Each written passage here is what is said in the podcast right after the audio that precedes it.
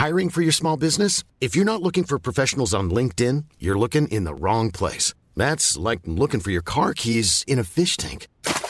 LinkedIn helps you hire professionals you can't find anywhere else, even those who aren't actively searching for a new job but might be open to the perfect role. In a given month, over 70% of LinkedIn users don't even visit other leading job sites. So start looking in the right place. With LinkedIn, you can hire professionals like a professional. Post your free job on linkedin.com slash people today. Since 2013, Bombas has donated over 100 million socks, underwear, and T-shirts to those facing homelessness. If we counted those on air, this ad would last over 1,157 days. But if we counted the time it takes to make a donation possible, it would take just a few clicks. Because every time you make a purchase, Bombas donates an item to someone who needs it. Go to bombas.com slash ACAST and use code ACAST for 20% off your first purchase. That's bombas.com slash ACAST, code ACAST. Hallå hallå, välkomna till ett avsnitt av Elbilsveckan. Denna gång så är vi inte längre live utan vi sitter hemma hos eh, varandra tänkte jag säga, men eh, på varsitt håll i alla fall. Peter, hur är läget med dig? Det är alldeles strålande, tack. Härligt. Och eh, vi är ju inte helt ensamma här i eh, virtuella studion utan vi har Kristoffer från Allt om elbil med oss också. Hallå Kristoffer! Ja men hej på er! Kul att vara här igen. Jag vaknade i morse och kände att det här blir en bra dag när du podd och allting. Så. Ja, men fredagars eh, och inspelning podd, det brukar bara resultera i bra. Det är till och med sol ute här. Ja. Först och främst vill jag tacka alla för förra veckan. Det var ju superroligt eh, att eh, dels ni som var där live och såg oss. Jag trodde att det skulle vara helt tomt. Det visade sig att det var det inte alls det. Eh, också eh, till er som har hört av er eh, efteråt, eh, för er som kom fram på mässan och allting. Det är ju fantastiskt roligt att eh, få träffa poddlyssnare, tittare och eh, liksom få umgås på ett helt annat vis än bara i kommentarerna. Det blir ju så mycket roligare och jag tror att ni också håller med mig där. Vilken skillnad jämfört med tidigare år just eh, hur många meter vi kunde gå innan någon sa hej. det var hela tiden. Jättetrevligt faktiskt. Det är eh, bara kul och bekräftande att ni vissa säger hej vid förbifarten och vissa kommer fram och pratar. Och, sådär, och det är ju eh, makalöst roligt. Eh, även om det då så att säga gör det är ju ineffektivt att filma på mässor generellt sett. Höll jag på att säga. Det var rätt roligt. Det. För att ofta så är det ju så att det är jättesvårt att filma på mässor. Eh, för det är massa folk i vägen. Men varje gång jag frågar någon om hjälp så visste ni vem jag var. Det var lite roligt faktiskt. Alltså, det var ju, det var ju liksom, eh, jag upplevde att det till och med skingrade sig lite där vid Polestar 4-bilen. Eh, och eh, stort tack för hjälp då. Jag var och behövde filma lite B-rolls efter. För det är ju så att när vi är själva Särskilt själva är vi inte. Det var rätt tajt med folk då också. Tjockt med folk. Men på branschdagen så är det lite mindre folk. Eh, så då filmade vi ju stora delar lite enklare. Och sen lördag söndag så är det ju då uppe för allmänheten. Och då behövde jag filma lite B-rolls där. Och då var det ju väldigt, väldigt mycket folk vid Polestar 4-bilen. Men det var, eh, det var trevliga samtal och också fick lite hjälp då. Vissa agerade som eh, eh, hand stand-in. Tryckte på knappar och sådär åt mig. Så det var bra. Tack så mycket för det. Och eh, vi vill också passa på att tacka Dennis som la in lite fake-applåder där för podden. ja, men det, gud vad dumt. Jag lyssnade ja. på det där och bara, men vänta, så mycket folk var det inte. men, men, men. Och så entusiastiska var de inte. Det var Nej, väldigt precis. lagom på plats. Ja. Men eh, då erkände ljudteknikern där att han hade kanske lagt in lite fake-klappningar. Nog om det. Vi har ju lite nyheter som har hänt under veckan.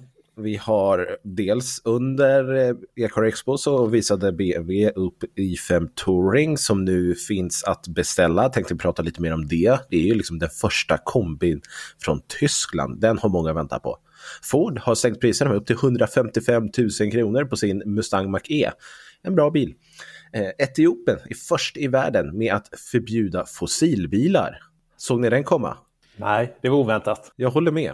Men det är väl som alltid med de här utvecklingsländerna, de hoppar över många eh, dumma snedsteg och mellansteg och tittar liksom på vad de som ligger i framkant gör. De lär sig av eh, våra misstag. Ja. Vi ska prata om att krocka en Tesla för att vi har god erfarenhet om det i podden här. Eh, två av tre har krockade Teslor. Eh, vi ska som sagt återkomma om det. Och sen Veckans ämne här är elbilar på dekis. Det har varit mycket snack nu om att eh, elbilar är på väg utför och det är frågan om det är så eller inte. Men först så, BMW i5 Touring. Kristoffer, du var en av de som fick eh, komma in i det där lilla rummet och titta på den under mässan. Vad tyckte du? Ja, för första gången fick jag kanske känslan av att det här är en, ändå en riktig kombi. Vi har ju sett lite halv, jag på säga halvkombis, det är ju, helt, det är ju ett helt annat segment här, men lite, lite halvförsök till kombibilar och sånt där från en del eh, elbilstillverkare här. Ja, första officiella var väl Porsche Taycan där, men den är ju snarare sportkombi skulle jag säga. Eh, och, och sen har vi sett MG4 heter den va? Nej, MG5 heter den. MG5 heter den.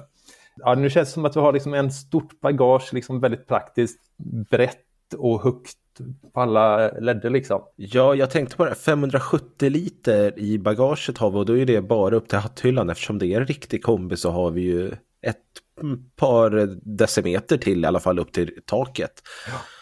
Det är ju lite det vi har saknat liksom. Ett stort bagage här. Fäller man sätet så får man 1700 liter. Det tycker jag är otroligt mycket.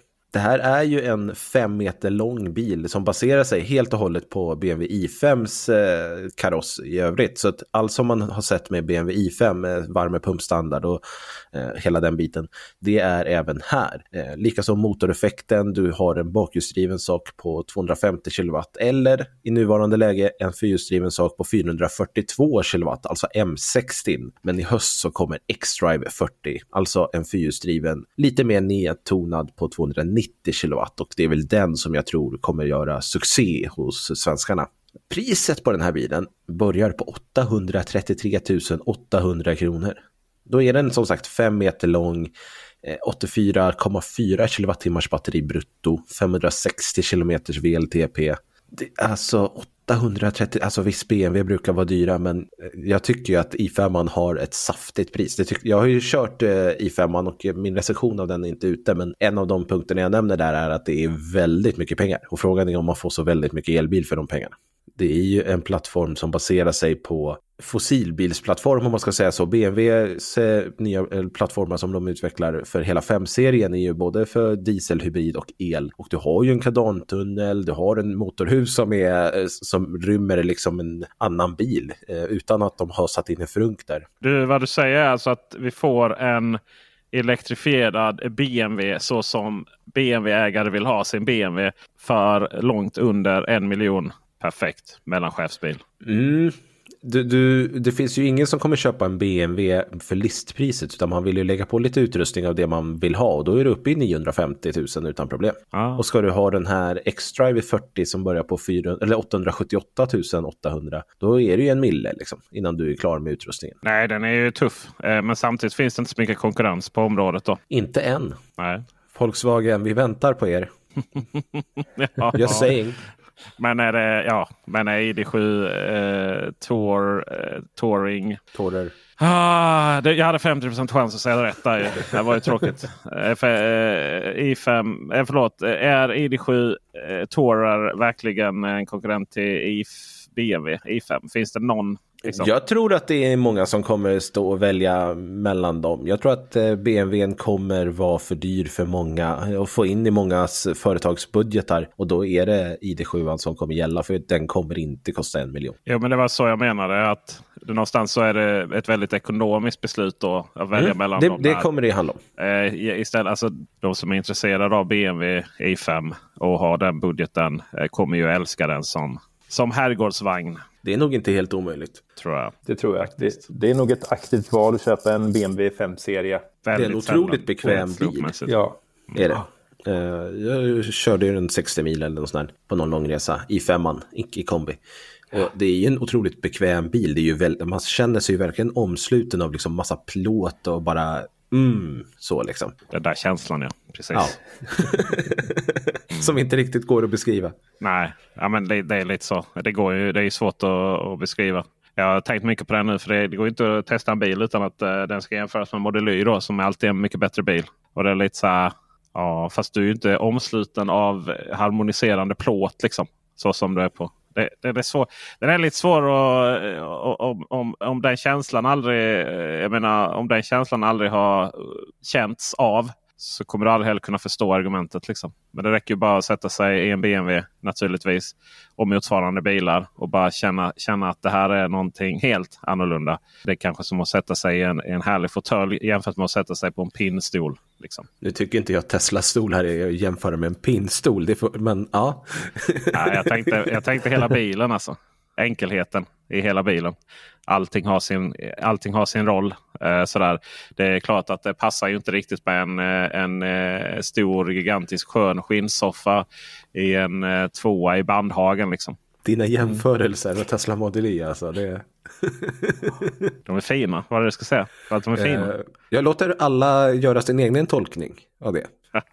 inget, fel med, eh, inget fel med eh, bord och fyra stolar och pinnstolar i Bandhagen. Det, det finns de som längtar dit också. Ska vi ta och prata om en annan bil som har en jättestor motorhuv. Eh, Mustang Mach-E.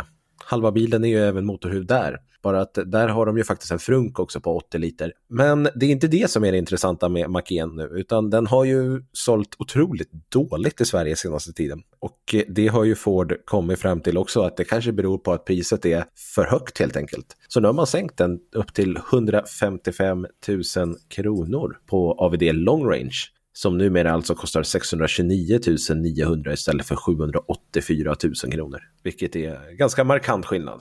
Det är alltid synd om de som sitter på en och hade tänkt göra så med den. Mm, ja. Det är det.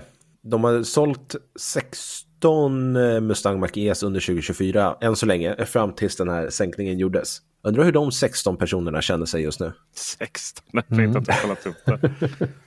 Man måste ju känna sig lite grundlurad. Samtidigt så är det ju bra att bilarna kommer ner i pris och jag tycker att numera så är Mach-En betydligt mer prisvärd än vad den var tidigare. Den börjar numera på 539 900 istället för 624 900. Ja, mm. det är rätt bra pris även om den då kanske inte är den bästa vinterbilen då.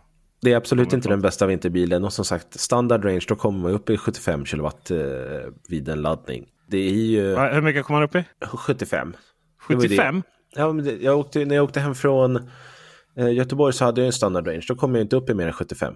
Den vägrade ju ladda snabbare. För den, och den förvärmar inte då heller? Eller? Jo, den, den gör det för att jag laddade på Ionity. Så då är det rear wheel drive long range då för 599 då som man ska nappa på då? Ja, det är den snabbare. man ska ha för den har ju en VLTP på 600 kilometer. Eh, och den har ju det stora batteriet och kan du ladda upp till 150 kW, vilket är, går även vintertid, för jag hade en long range AVD för sig, men eh, då kom man upp i 150. Men det är ju fortfarande 40 minuters laddningstid för att den är, det är en ganska dålig laddkurva på den bilen. Mm. Men det är ju en himla trevlig bil. Och en bil som jag ofta glömmer lite bort just för att den kostar så mycket så den är liksom inte ens värd att rekommendera. Kostade. Kostade, Kostade. precis. Så att eh, Privatleasingpriserna så fick jag se här också, de eh, ligger fortfarande jättehögt. Jag tror att den börjar på 8 500 i månaden eh, för standard range. Utan är det Mac igen då ska man nästan köpa den samtidigt. Så ja, nej, jag tror inte att man kommer göra en sån här jättesänkning till. Så att jag tror att restvärdet är ganska lugnt nu med det nya priset.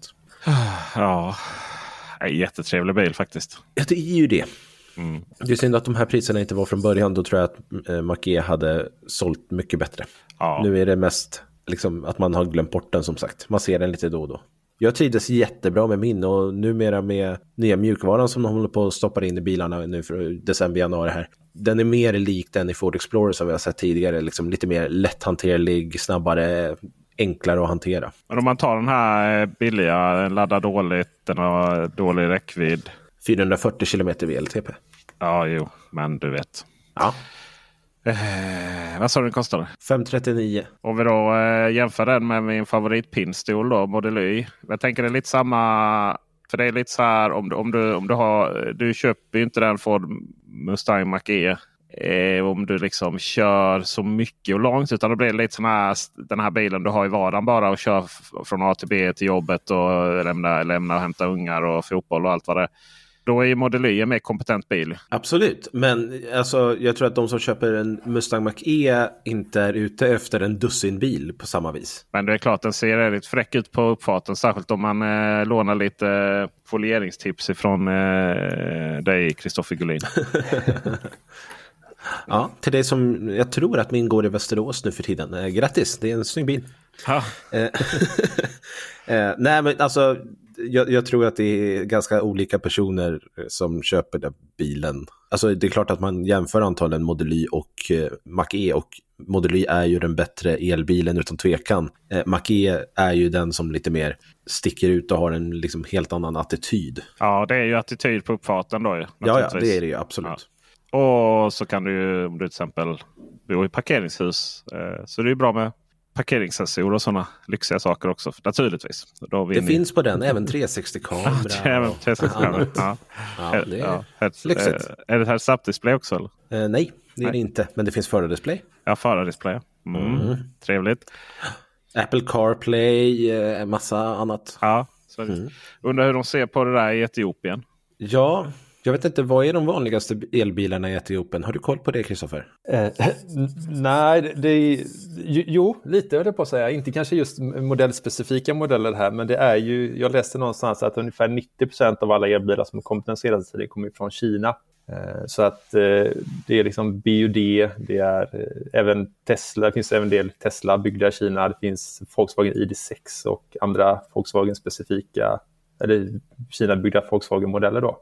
Så det är ett urval av dem i alla fall som finns där. Och ID6 det är ju en eh, något större version av ID4 som bara säljs i Kina av någon anledning. Exakt. Så den är, det är ingenting som vi har här.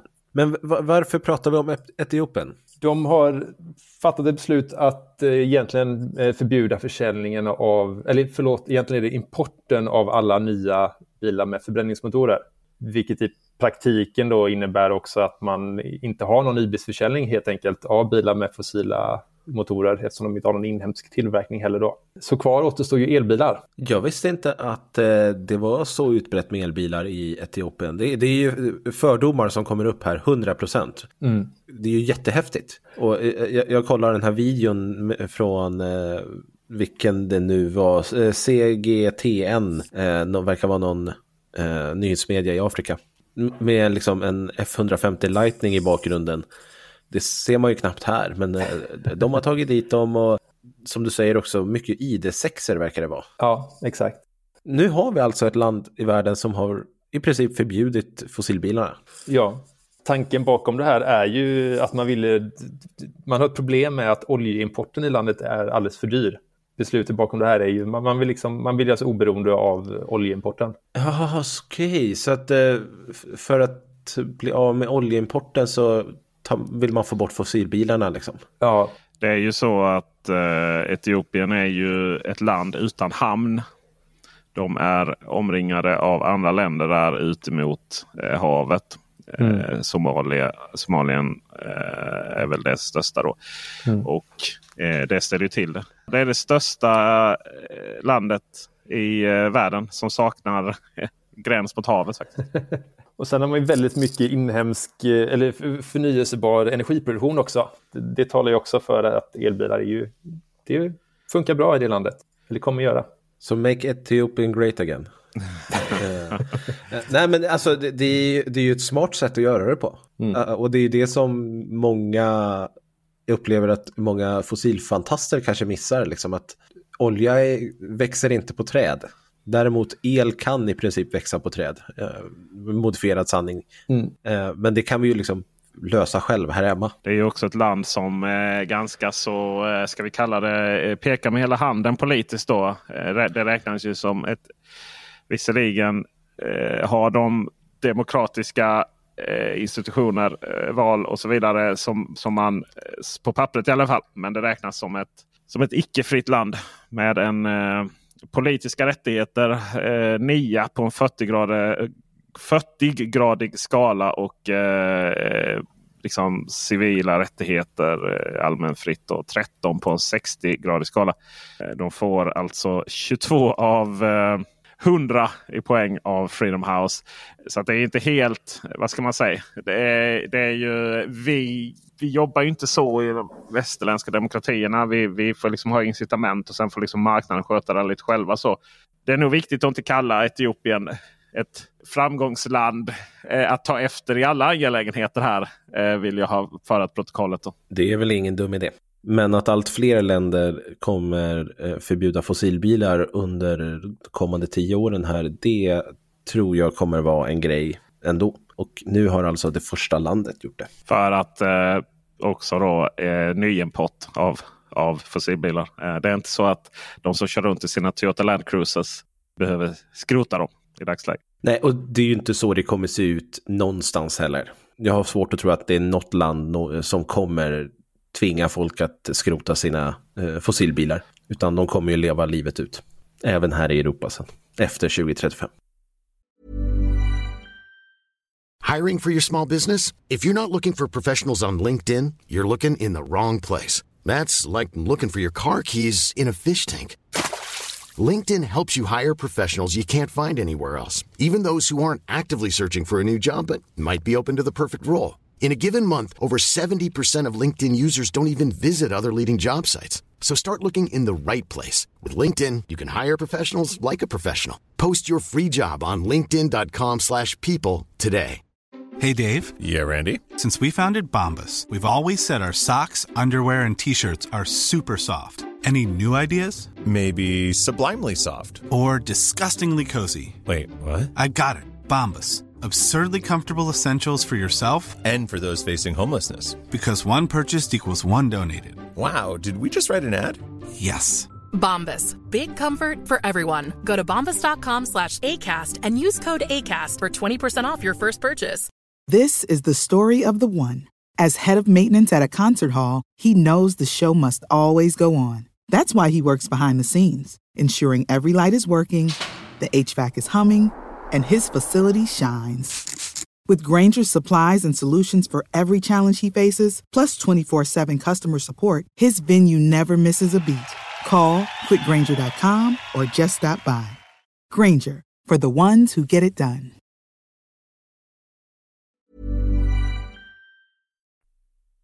Men nu känner jag att jag har pratat ganska mycket och eh, jag tänker därför att vi kan gå över till ett ämne som jag har absolut ingen som helst koll på. Att krocka en Tesla. Jag överlåter ämnet till experterna. Ska vi vara, ska vi vara liksom extra tydliga här nu så är det ju inte så att Kristoffer har krockat. Han har blivit krockad på kan man ju säga. Påkörd. På ett Tesla-event också ironiskt nog. Ja. Ja, det var väl ingen eh, jättesmäll för min del då. Det jag blev eh, lätt påbackad här vid en supercharger då. Så jag har ju fortfarande en bil och sånt där som är körduglig och fungerar. Sen har jag lite estetiska märken på, på bilen då som jag nu får dras med här. Eh, eftersom det då inte kanske är så lätt att få en bil, eh, en, en, en sin Tesla skadereparerad för tillfället. Men nu vill jag räcka upp handen här direkt. Var, vad, vad sa du att det var? Slutet på augusti eller något sånt? Jag blev påkörd i slutet på augusti, ja. Är det sån lång vänt eller var det sån lång väntetid redan innan strejken? Ja, eller var det... jag fick eh, tid bokad i november på skadeverkstan. Oj!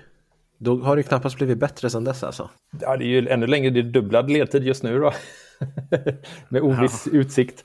Du, den åkte ju aldrig in på verkstaden då ju. Min bil åkte aldrig in på verkstaden, nej, precis. Jag blev påkörd i slutet av augusti och sen så fick jag eh, verkstads, verkstadstid i november och sen då några dagar in, innan där då så blev jag uppringd av verkstaden som sa att eh, nu flyttar vi till februari. Och sen nu för ett par veckor sedan så sa de nu flyttar vi den här på obestämd framtid. Just det. För de tror inte att eh, de kommer få laga några Teslor inom ja, bestämd framtid. Då. Nej, precis. Nej, för de är uttagna i strejk. Då. Exakt. Ja, nej, eh, men fint att du kan använda din bil så länge då. Eh, det, är mer, det är bara estetiskt där bak va? Precis, det stämmer. Eh, så att, eh, ja, jag, jag, eh, det finns ju fler eller andra människor som sit, kanske sitter i en lite mer hopplös sits än vad, vad än min sits ser ut. Eller vad säger du Peter? Det finns, ja, det finns ju lite olika varianter. Dels så finns det de som han få in bilen antingen totalkvaddad då eller med den typen av defekter som du hade. Eh, men så blir den stående där på de här verkstäderna som är i sympatiblockad. Då får de inte ut sina bilar. Och det är ju ett jätteproblem naturligtvis. Det finns ju ingen lösning på det. Man får ju hyrbil ersättning då ifrån försäkringsbolagen. Men det där kan ju vara från en månad, två månader. Jag har två och en halv månad vilket jag då också kommer att behöva nyttja. För jag eh, har ju vid ett eh, väldigt olyckligt tillfälle eh, kört ner en lyktstolpe. från, eh, jag skulle köra ut här från jobbet och eh, bara det var bara sån här skitgrej. Jag, jag ringde ett samtal, svarade inte och så skulle jag bara avsluta det samtalet. Och så tittade jag ner i skärmen. Så hittar jag inte den här röda. Men det är för att jag blinkar ut samtidigt då. Och detta är ju liksom in, inne i det är, ing, det är inte utblinka ut på någon stor väg eller så utan det är liksom inne i området här. Precis då när jag slutar blinka så, så eh, ser jag den här röda knappen då naturligtvis. Och, eller symbolen. Trycker på den. Tittar upp och då ser jag precis då att jag kör in i en lyktstolpe. Det, för det smalnar av den här väggrenen här inne i det här området. Smalnar av precis där. För det är lite bredare just för att långtradare ska kunna liksom köra ut eh, lättare ut på den här lilla stumpen som vi kör ut på innan vi kör ut på den stora vägen. Så smalnar av det. det kan jag säga att det är inte första gången den är skadad den eh, lyktstolpen. Och, eh, sådär. Det är rätt, den ser lite dåligt placerad ut. Men det är mitt, ansvar naturligtvis. Och, bil, och den viker sig lyktstolpen helt och hållet. Men eh, bilen får sig en eh, kyss på fram. Och eh, lite till höger, eh, liksom högra registreringsskylten. Eh, och sen så kör eh, plasten som är under precis längst ner i fronten. Den trycks också in lite, lite, lite. Men av allt att döma så är bilen körgla, körbar. Då. För övrigt så är man ju, när man har gjort det så tänker man lite så här. Okej, okay, vem ringer jag nu? Sådär. Mm. för det första. Är ju, man är inte jätteklar i huvudet där liksom. Så jaha, kör jag hem och ringer eller ringer jag kommunen? Eller är det ett brott som har begåtts? Eller vad är det liksom som har gjort? Eh, men det är ju, vad är det, det är ju man ringer ju polisen. 114 14 och så berättar vad som har hänt. Då. Och sen tar de hand om det och ringer kommunen. Det var ju också lite så här. När jag fick polisanmälan sen. För jag hade ju sagt då att jag, eh, jag skulle avsluta samtalet och titta ner skärmen. I själva då polisanmälan. Som ju, det står ju, det står ju så här. Polisanmälan utan misstanke om brott. Står det ju då. Eh, så här, tittade ner i mobilen. Jag bara nej. Det är, en ganska viktig distinktion där. Uh, sådär. Uh, så att jag fick ringa igen. Nej, jag tittade inte i mobilen. Jag tittade ner i skärmen. Alltså bilens skärm då. Så, uh, och försöka förklara en Tesla ser ut och så. Mm. Det är lite samma krockar lite verklighetsbilderna. Där. Men eh, i alla fall så var det väl lite om den var körbar eller inte. Och den går ju och den gnäller inte på någonting och så. Och ansågs ju vara körbar. Eh, men sen så eh, varnar om man går in i serviceläget där. För jag vill ju verkligen inte få liksom. Eh, nej, du har använt bilen efteråt och därför så har det förvärrat skadan. Och därför kan du inte köra den. Så jag kollade i serviceläget och mycket riktigt så äh, ser man då att de här, äh, inte ventiler utan spjällen eller någonting som går upp och, upp, upp och öppnas och stängs beroende på om mm. batteriet behöver kylas eller inte. De är fastlåsta där då. Mm. Så att den ger ett felmeddelande på det. Och därmed så Ja, nu är det vinter så det har väl inte varit några större problem. Man vet ju inte vilket läge den är fastlåst i heller. Uh, så eh, då ansågs den ej körbar från Trygg-Hansa. Och då fick jag också en hyrbil. Då. Men sen började ju det. Vad, vad gör jag egentligen? Vad, hur lämnar man in den här bilen? Det är strejk då som sagt och det är ju många som står still. Då. Så jag anmäler ärendet i och med att det är när du själv gör något dumt med bilen så är det ju vagnskadegarantin. Alltså den här försäkringen då som ingår när du köper en bil i Sverige. Som är en helt unik grej faktiskt. Så det är ju Tesla som ansvarar för den försäkringen. Det är ju därför du exempelvis om det är en skada som går under maskin, eh, eh maskinskadegarantin. Då betalar du ju moms på det. Men om det är om du på självrisken då. Men på vanliga försäkringar så är det ingen moms på den självrisken. En liten intressant detalj. Då börjar jag ju kolla i appen och så ja, anmäla skada då. Där, okej, okej. Okay, okay. uh, vilken verkstad ska du ha? Uh, så här, ja, väljer Malmö. Finns ju inte någon. Finns I Danmark finns ju Kastrup. Kan ju simma dit liksom. Uh, alltså precis andra sidan Öresundsbron. Då. Eh, så jag ringer dem och frågar men kan jag lämna in den. Det står absolut ingenting eh, att det inte skulle gå att lämna in där i Danmark. Men jag vet ju att, eh, att Tesla inte låter en laga bilar utomlands. För om vi, om vi vill behålla garantin. Då ringer jag dit och säger nej vi har ingen så att det kanske är någon automatik eller sådär. Men ja, om du kollar med Tesla och betalar skadan själv och sen får tillbaka från dem och så, så kanske det går. Jaha, tänkte jag. Hur gör man det? Hur kollar man med det med Tesla? är ju första frågan då, tänker jag. Men ah, jag tänker jag väljer den här danska verkstaden och så, eh, och så i appen. Och så kanske det liksom kommer någon så här, det kommer in till Tesla tänker jag. Och så säger de oh du har valt Danmark. Ja, då, måste vi, då måste vi ha en process för det och samtala och prata. Då. Det händer ju ingenting överhuvudtaget kan jag säga. Så jag valde helt enkelt. Jag bytte verkstad, går att göra. Och då bytte jag till Malmö. Som ju då är Teslas serviceverkstad. Och efter någon dag där så får jag bara svaret att eh, vi hanterar inte skador och stänger ärendet. Tack för den. ja, okay. ja, så vad gör man då? Liksom? Lite osäker på exakt vad jag gjorde. Men, men jag gick nog in på jo, jag gick in på Teslas webbsida och så, och så kollade verkstäder då, så de listar. Och de har tagit bort. Alltså det, det kommer jättemånga i Norge och Danmark, vilket är hål i huvudet. då. För du kan inte använda dem. Och sen så kollade jag då, men då finns det några i... Eh, vi ska vara lite försiktiga här då. så, för att syftet med den här, eh, den här den här historien är ju inte att outa verkstäder som lagar Tesla-bilar. I och med att det är lite känsligt ämne då, på grund av strejken.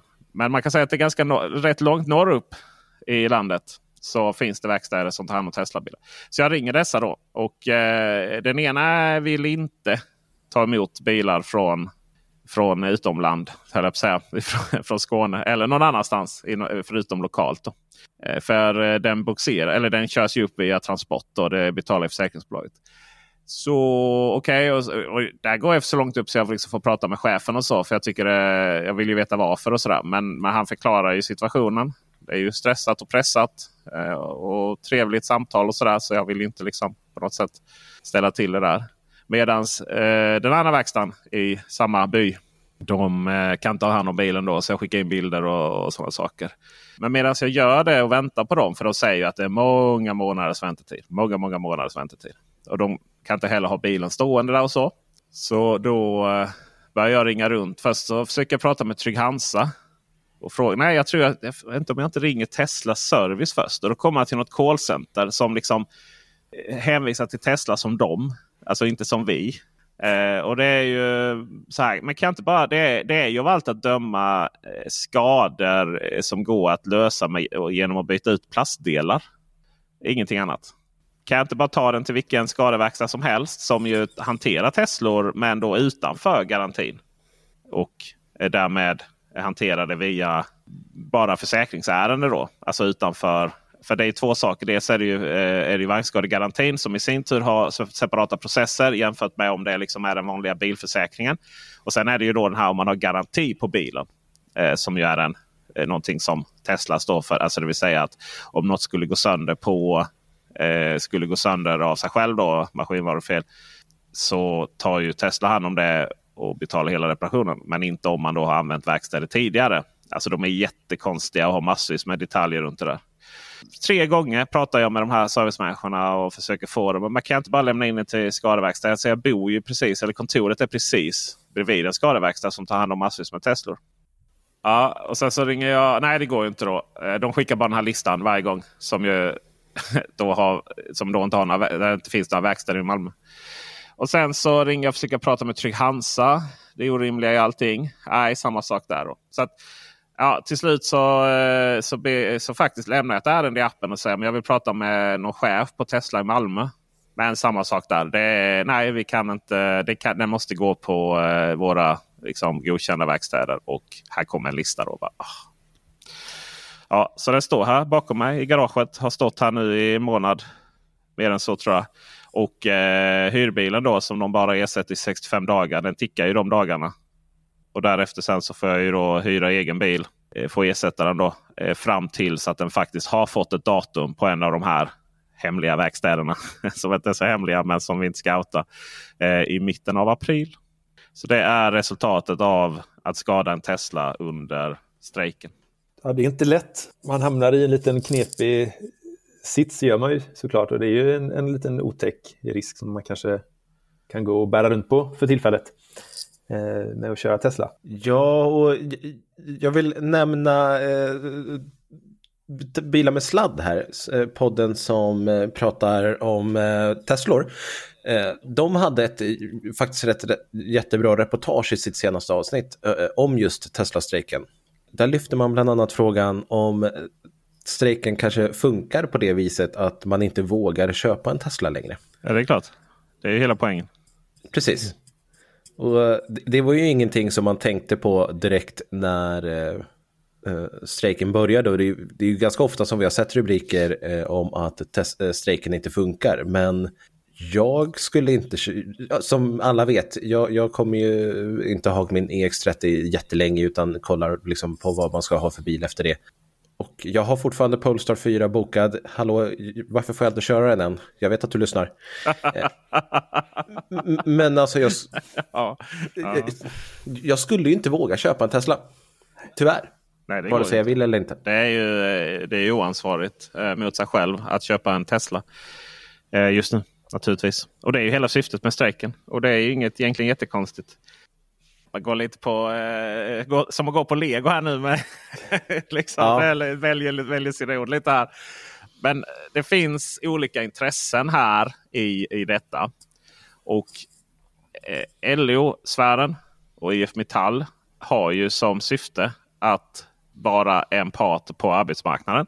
Och i Sverige så eh, styrs arbetsmarknaden av arbetsmarknadens parter, vilket är ganska unikt. Annars brukar det vara lagstiftning. Det finns ju mycket lagstiftning i Sverige också, så att säga, som tider och annat. Men det finns eh, avtalen, företagen, vad som gäller, ligger då på arbetsmarknadens parter och det är ju då facken och arbetsgivarorganisationerna. Och eh, dessa organisationer föredrar ju då naturligtvis att, om, att bolagen då har kollektivavtal. Eh, för annars så gäller ju då inte deras eh, det är vad de förhandlar om helt enkelt. Och då så, eh, då, då, I det så finns det två, två saker. Då. Det ena är ju det att eh, hela syftet med, eh, med eh, fackförbunden och för den delen arbetsgivarorganisationernas eh, existerande. Det är ju att, att, att den här modellen existerar. För annars existerar inte de på ett starkt sätt. så. Eh, Så det är ju liksom själva, själva egenintresset. Där. Sen så finns det ju fack, facket har ju LO där och IF Metall har ju misslyckats med den pedag- pedagogiska utmanande frågan. Eh, men om det är frivilligt att ha kollektivavtal, varför låter ni inte då Tesla vara? Enkla svaret på den frågan är ju att om inte det finns tillräckligt många företag som har kollektivavtal frivilligt så skulle det här bli en lagstiftning istället. Så eh, den är lite, även om den är en pedagogisk utmaning, den frågeställningen, så är den också lite intellektuell ohedlig. För att om du använder det argumentet, men varför, om det nu är frivilligt, varför strejkar vi om den? Alltså varför tvingar ni då företag att gå med i den? Enda resultatet av den frågeställningen skulle ju vara att Tesla ändå tvingas ha kollektivavtal, men då via lagstiftning. Så man ska vara lite försiktiga med de här, att man bara hittar liksom en pott argument mot någonting. För resultatet av de argumenten kan ju vara att det slutar med ändå ans, äh, liksom, tvångsanslutning. Då. Eh, men det är ju liksom fackförbundens roll att göra så här och det är också grundlagsskyddat. Eh, Tesla å sin sida har ju sin fulla rätt då att säga nej. Eh, vi vill inte ha kollektivavtal. Man måste förhandla om kollektivavtal om det finns minst en anställd på bolaget. Men vad är då att förhandla? Att förhandla kan ju vara att man helt enkelt inte vill förhandla. Det kan ju vara förhandlingen. eh, Att gå ifrån förhandlingarna. Eh, Och det har ju då Tesla valt att göra.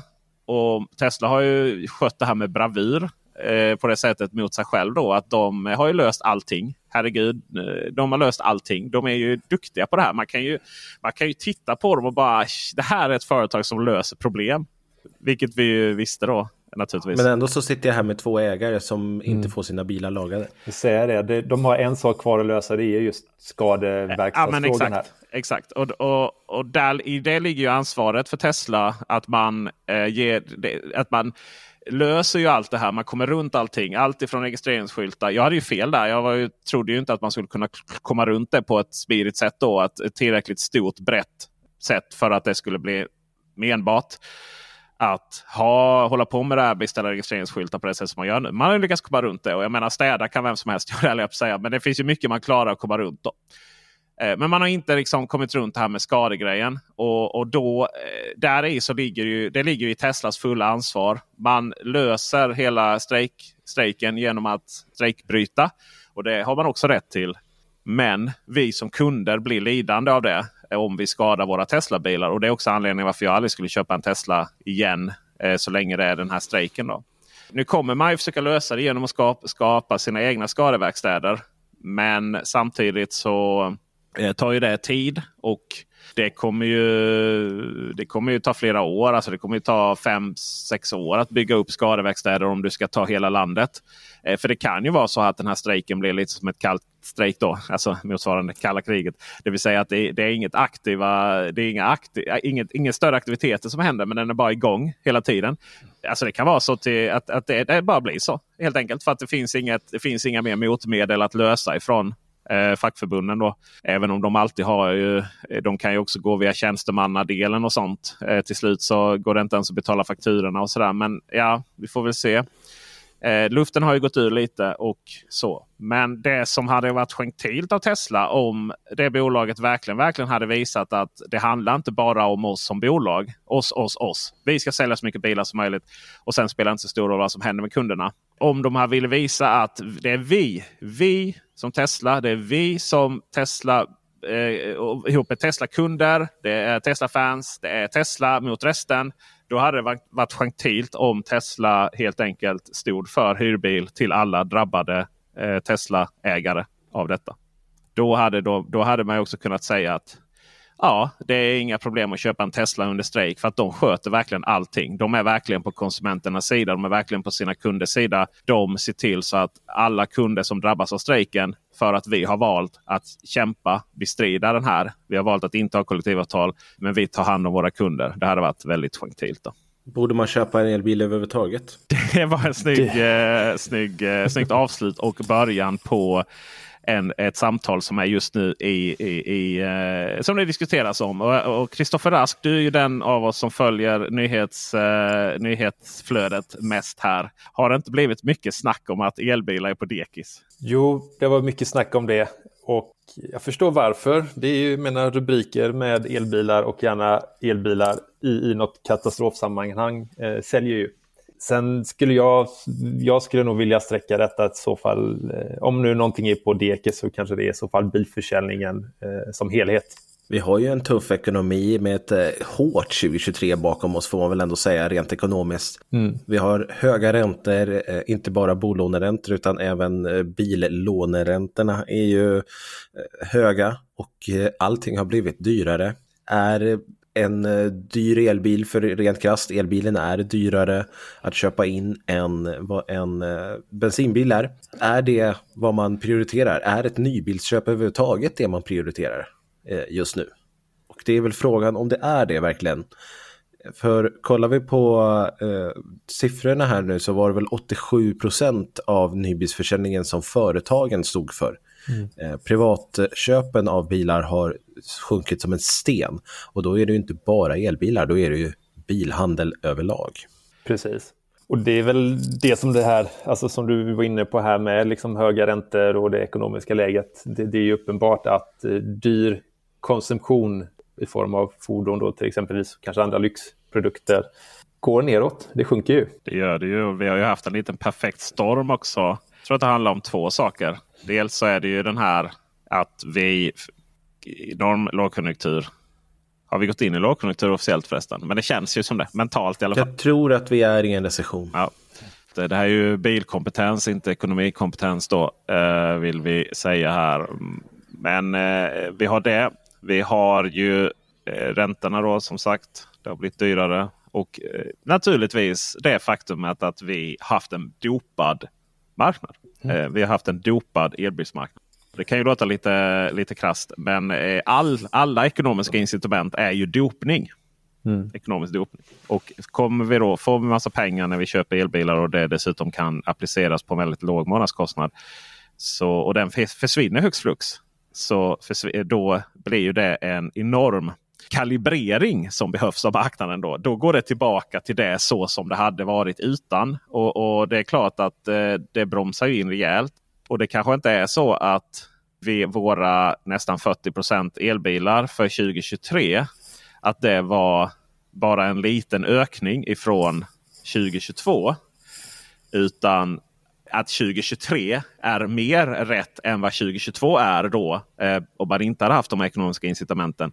Och att eh, 2024 då som helt är tvättad från eh, de här bonusarna. Det hann ju betalas ut en hel del under 2023. För man beställde ju bilar då i slut. Eh, vad var det i november du kutade runt där va? Kristoffer Gullin vid eh, handlarna. 18 november Precis. 2022 vill jag minnas.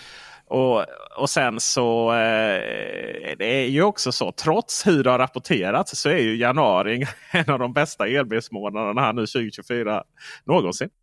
Då kommer vi till nästa grej.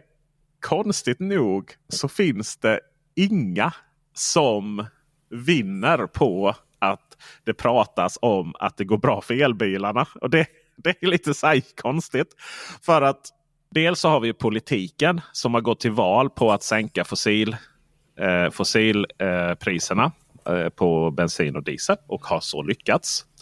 Sen så är det ju en eufori som kommer vara kortvarig med tanke på att fossilpriserna kommer ju öka och de kommer ju gå återigen komma upp i de nivåerna de var innan eh, reduktionsplikten försvann genom att priset helt enkelt höjs eh, sakta men säkert på världsmarknaden. Det sänks ibland och det blir rubriker men sakta men säkert höjs det. Och vi kommer komma upp där igen då snart.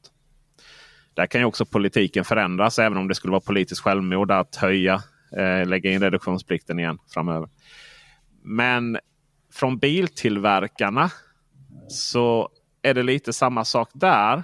För att på en, i, en, i en värld eller i, en, i ett Sverige och ett Tyskland som det egentligen handlar om. Vi, vi hänvisar nästan hela tiden till Tyskland eller Sverige när vi pratar om de här grejerna. Där finns det många biltillverkare som hävdar sig genom sina fossilbilar. I en värld där det bara skulle finnas elbilar så är man inte riktigt där där man fullt ut kan hävda sig mot Teslas dominans. Även om det inte är hela sanningen där. För om, om vi skulle då kolla på eh, eh bara plattformsmässigt så såldes det ju betydligt fler MEB-bilar från Volkswagen-koncernen än vad det gjorde Tesla-bilar eh, under förra året. Då, så. Men någonstans där så finns det liksom ingen...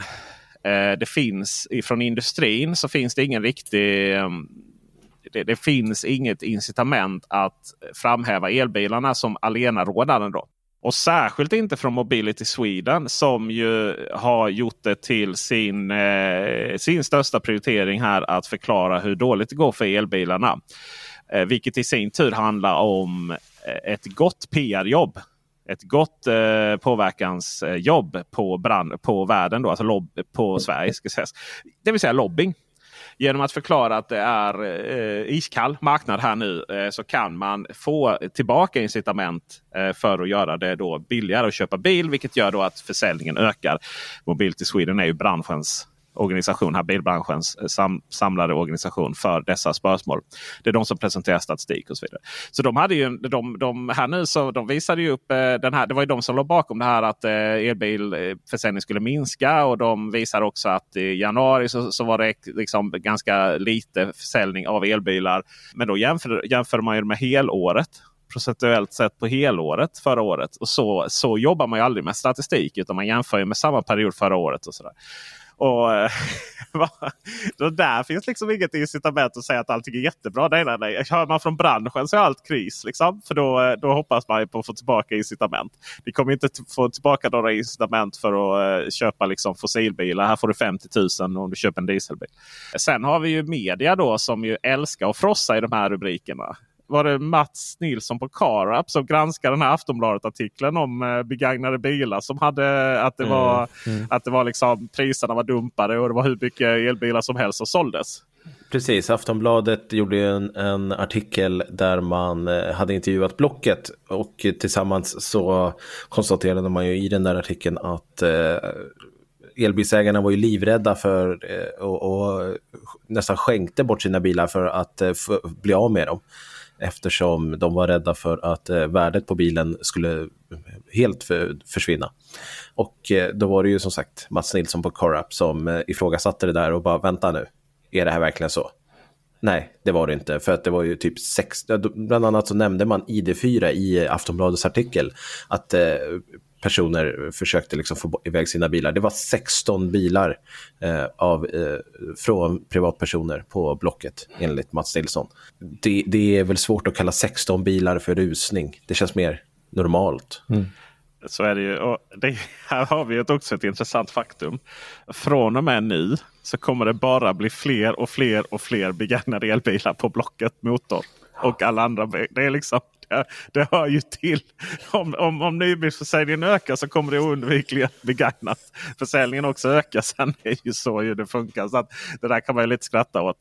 Eh, sen, har vi, sen har vi ju då ett rapport som, eller en, en, det har skrivits då eh, lite på olika, lite olika håll ifrån eh, olika publikationer som är en eh, rewrite på en Bloomberg-artikel där det hävdas då att BMW eh, var lite vad var det jag sa. Den här breda satsningen på eh, både fossilt el och även eh, vätgas. Att eh, ja, men det var nog rätt bra då. För detsamma har hänt i Tyskland här nu att elbilsförsäljningen eh, i alla fall ökningen av, av elbilsförsäljningen har, har minskat. då. Och sen så är det också rapporteras det att Volkswagen-koncernen har då eh, förändrat sin strategi. och eh, Audi också då inklusive. Alltså Volkswagen som koncern och särskilt Audi eh, har då backat tillbaka på sin elbilssatsning och sådana saker. Och det inkluderar också förseningen av ID2 som då skulle liksom presenteras Eh, och börja säljas 2025. Men nu blir det 2026 då för, på grund av att det skulle vara ändrade Euro 7-regler som gjorde att man kunde det var fortsatt billigt att sälja fossilbilar och lite sådana saker. Det här kan man ju också bör man nog ha vara lite källkritisk till. När det kommer till BMW så ligger det ju naturligtvis i BMWs intresse att det finns en bred typ av drivmedel. För det bolaget har ju valt sedan länge att satsa på att ha samma plattform för sina fossilbilar och sina elbilar. Vi hörde precis innan att BMW i5 vi hörde ordet kardantunnel här, eller hur Gulin? Precis, precis. Stora, långa eh, motorhuvar som när man öppnar dem där så är det rätt tomt där inne då för att man har tagit ut fossilmotorn. Och så. Det här är ju ett sätt för BMW att snabbt komma, komma igång med elektrifieringen. Men det är klart att de vinner ju mycket på att deras fossilbilar som då antagligen är billigare att tillverka. Då, för det brukar ju vara så att rena elbilsplattformar blir billigare och har mer marginal. Och jobbar du med fossilplattformar så ja, då blir det lite mindre marginal. Så där måste man ju förstå att det ligger helt klart i BMWs intresse att ha lite status quo här medan de faktiskt naturligtvis jobbar ju med rena elbilsplattformar framöver. De har, de har ju iX också. Ju. Jo, men sen kommer de med Nojo-klasse eller hur man nu... Exakt! Precis, de, eh, 2025. Ja, alltså de behöver ju det här det, passar ju då, det passar ju dem jättebra att prata Absolut. om detta nu. Liksom. För då behöver du inte vara rädd att köpa de här eh, bilarna som de har i dagsläget. Mm. Och när det kommer till Volkswagen-koncernen då så eh, vet vi ju alla att de har haft lite, ut, potent, lite utmaningar när det kommer till mjukvaran och sådana saker. Och, och, någonstans där så är det ju först nu som de levererar de riktigt bra versionerna av sina elbilar. Och, och, och, och sen då att, eh, att de, jag frågade faktiskt eh, Volkswagen-gruppens kommunikationschef eh, Marcus Thomas Folk eh, om det här då att eh, citat Audi håller på att skära, skära ner sin elbilssatsning och Volkswagen har just tagit ett steg tillbaka från sina planer på området. Då. Eh, så jag frågade och fick följande svar vet inte exakt vad som åsyftas. Men för Volkswagen-koncernens del säger vi så här. E-mobility är helt klart vår framtid och vi kommer att fortsätta med den strategin för koncernen. Samtidigt är det under omställningen viktigt att erbjuda kunder flera olika drivlinor eftersom hastigheten i omställningen ser olika ut i, i, i olika delar av världen. Det gör att vi fortsatt kommer att ha med moderna förbränningsmotorer och hybridkoncept i den totala bilden. Och det är för Volkswagen-gruppen då. Det finns ju, det inkluderar ju Skoda, Cupra, Audi. Hjälp mig här nu. Det är så mycket bolag. Porsche, Lamborghini, Seat. Lamborghini, ja just det. Ducati. Ducati, ja. För, uh, de har i och för sig elmotorcykel också. Uh, men för märket Volkswagen personbilar då specifikt har vi tidigare sagt att Volkswagen har som mål att enbart producera elbilar i Europa från 2033. I princip gäller detta fortfarande. Men beroende på hur elbilsutvecklingen ser ut på olika europeiska marknader så kan det komma att bli förändring i, i produktplaneringen när det gäller individuella modeller med förbränningsmotorer. Hoppas det klargör vår syn. Och ja, Det kan ju låta som att eh, man försöker göra om någon form av verklighet här nu för man har pratat så mycket om elbilar. Men det är ju så att redan för ett år sedan så pratade jag med Volkswagens svenska produktchef då. Fredrik Wiss eh, som vi intervjuade eh, under Ecar Expo förra året. Detta var exakt det han sa då. Att vi har inte, för svensk del exempelvis, så, eh, så fasar vi inte ut. I Norge har man ju redan då var det, ju, var det ju känt att vi skulle göra det i Norge. Eller de skulle göra det i Norge. Men för svensk del så är man inte riktigt där ännu. Svenska marknaden har lite annorlunda eh, behov med eh, mycket mer in, inlandstrafik. Eh, alltså eh, Norrlands inland. Eh, med tunga, där man drar mycket tunga släp och så vidare. Och där eh, ligger ju till exempel ehm, där ligger Volkswagen lite i lä då med sin ganska tama dragvikt på endast eh, 1000 kilo då på sina bakhjulsdrivna eh, elbilar och 1200 på sina fyrhjulsdrivna. Deras Tiguan är annars väldigt, väldigt populär dragbil just i Sverige. Exakt, Tiguanen där kommer man att sälja väldigt länge här då. Medan man inte Precis. riktigt gör det i, i, i Norge. Uh, i, uh, I Sverige så drar man sin stuga. I Norge åker man till den om man ska göra en rejäl, rejäl uh, generalisering. Audi då? Audi är spännande för det är lite av ett personligt intresse då som ni känner till här i, i mitt fall. Och Audi har ju kan jag, jag skrattar, lite för att det är svårt med trovärdighet att säga att aj, men anledningen till att Audi Q6 och A6 inte har lanserats ännu. Ja, det beror på på strategiska val. Vi vet ju alla att det har varit en teknisk utmaning för dem. Och att de därför är försenade. Och det är någonting man också pratat om. Och det är ju folk, alltså högsta Audi-chefen fick ju gå här för ett tag sedan. och så. Det, är ju, det har ju rullat huvud eh, just för denna förseningen. Och eh, det är väl klart att det passar ju Audi rätt bra att eh, lugna ner sig lite. Att det inte liksom, säljs för mycket elbilar framförallt i Tyskland då innan man faktiskt får ut sin Q6 och sin A6. För de två bilarna Wow! Om man, om man vill ha en fin kombi från Tyskland och tycker att i5 är lite för fossil. Ja, men då gör man nog rätt i att vänta på Audi A6. Audi, eh, där svarar då kommunikationschef Irene Bernhard att eh, jag känner inte heller till vad som åsyftas i artikeln nedan. Eh, Audi ställer successivt om produktionen i sina anläggningar för att tillverka elbilar. Audi Q6 E-tron är som bekant den första elbilen som kommer att tillverkas i Ingolstadt och den kommer att efterföljas av flera modeller på PPE-plattformen. Och det är ju A6. Då. Målet är liksom tidigare att successivt ha ställt om till enbart att tillverka elbilar i Europa från 2033. Fram tills dess så kommer vi eh, erbjuda flera olika drivlinor. Business as usual. Och när det kommer till eh, se, ID2 så Eh, i det här, hela det här Euro 7-spåret där. Det har jag lite svårt för. Jag försöker kontrollera det utan någon framgång egentligen. Och eh, det som vi kan konstatera med ID2 eh, när den lanseras och börjar säljas på marknaden i början av 2026. Så lär det vara rekordkort utvecklingstid på den bilen. Det pratades om att förr i tiden tog det sju år att utveckla en bil. Och nu så pratar vi alltså om en bil som fick nästan panikutvecklas efter att i det Life-projektet inte riktigt eh, gillades verkade det som. För att eh, där fick då efter den presentationen eh, så var det eh, misstänkt eh, nära att eh, designchefen fick gå då och man anställde eh, en ny helt enkelt. Tog den ifrån eh, ett annat Volkswagen-bolag som vi inte ens nämnde. Var det Bugatti eller? Bent Bentley var det va? Bentley. Ja. Bentley ja, det Men det var ju också helt rätt beslut. Kollar man på ID Life som var på Ecar Expo, var det förra året?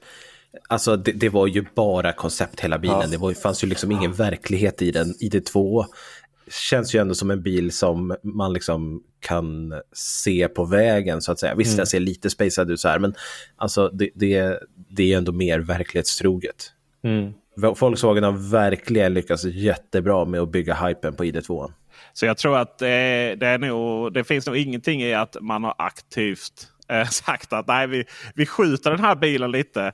Utan jag tror att snarare att eh, alla verkar vara överens att eh, det är så himla synd att man inte kan leverera den bilen redan här och nu. För den hade betytt väldigt mycket då. Eh, dels så har den ju ett, ett modernare Volkswagen designspråk och dels så är den ju också en bil som då kommer vara förhållandevis billig. Jag hoppas ju lite på att Volkswagen kan börja ta in den här designen i en refreshad ID3 eller någonting, eh, kanske 2024-2025. För att alltså, att ID2 ska visas upp 2026. Visas upp 2025, levereras eh, 2026. Det, det, är för långt bort. Det, det händer så otroligt mycket just nu. Och eh, jag hoppas liksom för Volkswagens skull att ID3 får en refresh med lite av den här interiören och det. Så att den kan bli liksom intressant. För att modellutbudet de har idag och går runt med det i tre år till, det, det, det kommer ju funka men det, det, det är ID2 som folk verkligen vill ha. Jag ser ju det på liksom videos ja. jag gjorde för Ecar Expo. Videon som går bäst är ju ID2. Ja, samma här. Eh, det jag gjorde på ID2 han blir mega populär. Det ska ju sägas att eh, Kommer ni ihåg att vi eh, utnämnde Volkswagen ID7 till årets bil? Ja, absolut. Eh, och detta baserat då på testkörningar vi gjorde i Provence. Va? Ja, det var det ja. Mm. Jag har haft den i en vecka nu. Jag förstår inte alls varför jag tvekade.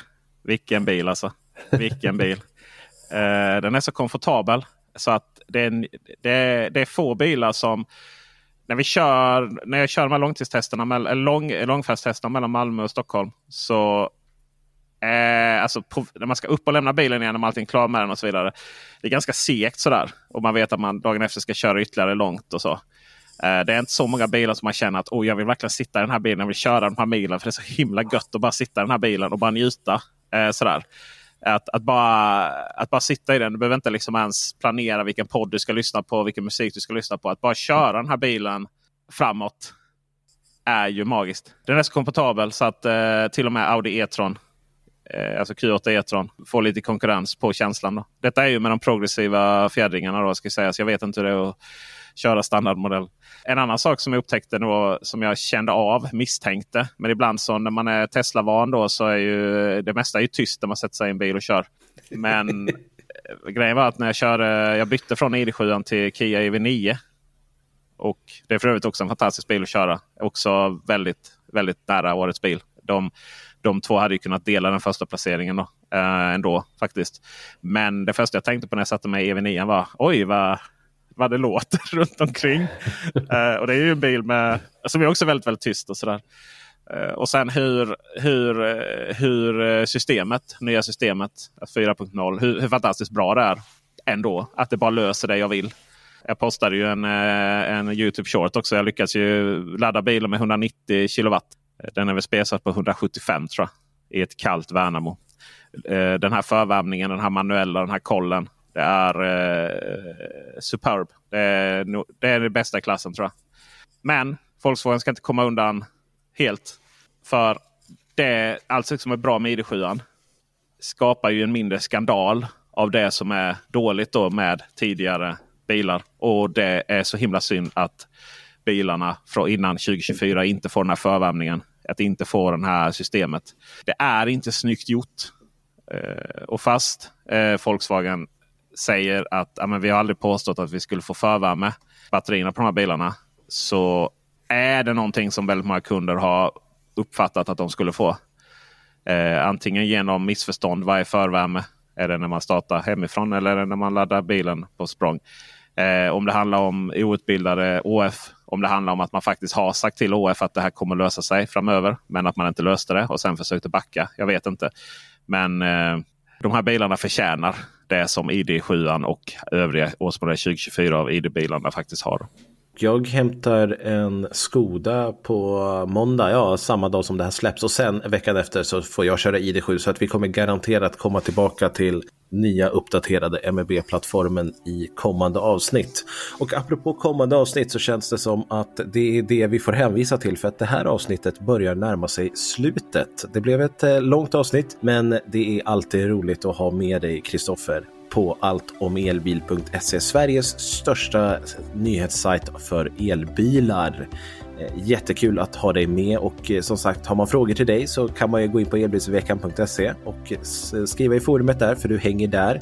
Absolut. Peter Esse, du hänger också på elbilsveckan.se men du hänger också på din egna Youtube-kanal Peter Esse. Och eh, jag hänger också på elbilsveckan.se men jag hänger också på elbilsmagasinet.se och Youtube-kanalen med samma namn.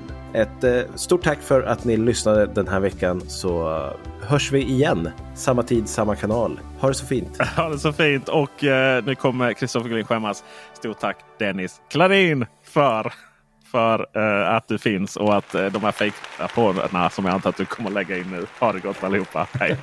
Hej då! Hej på er.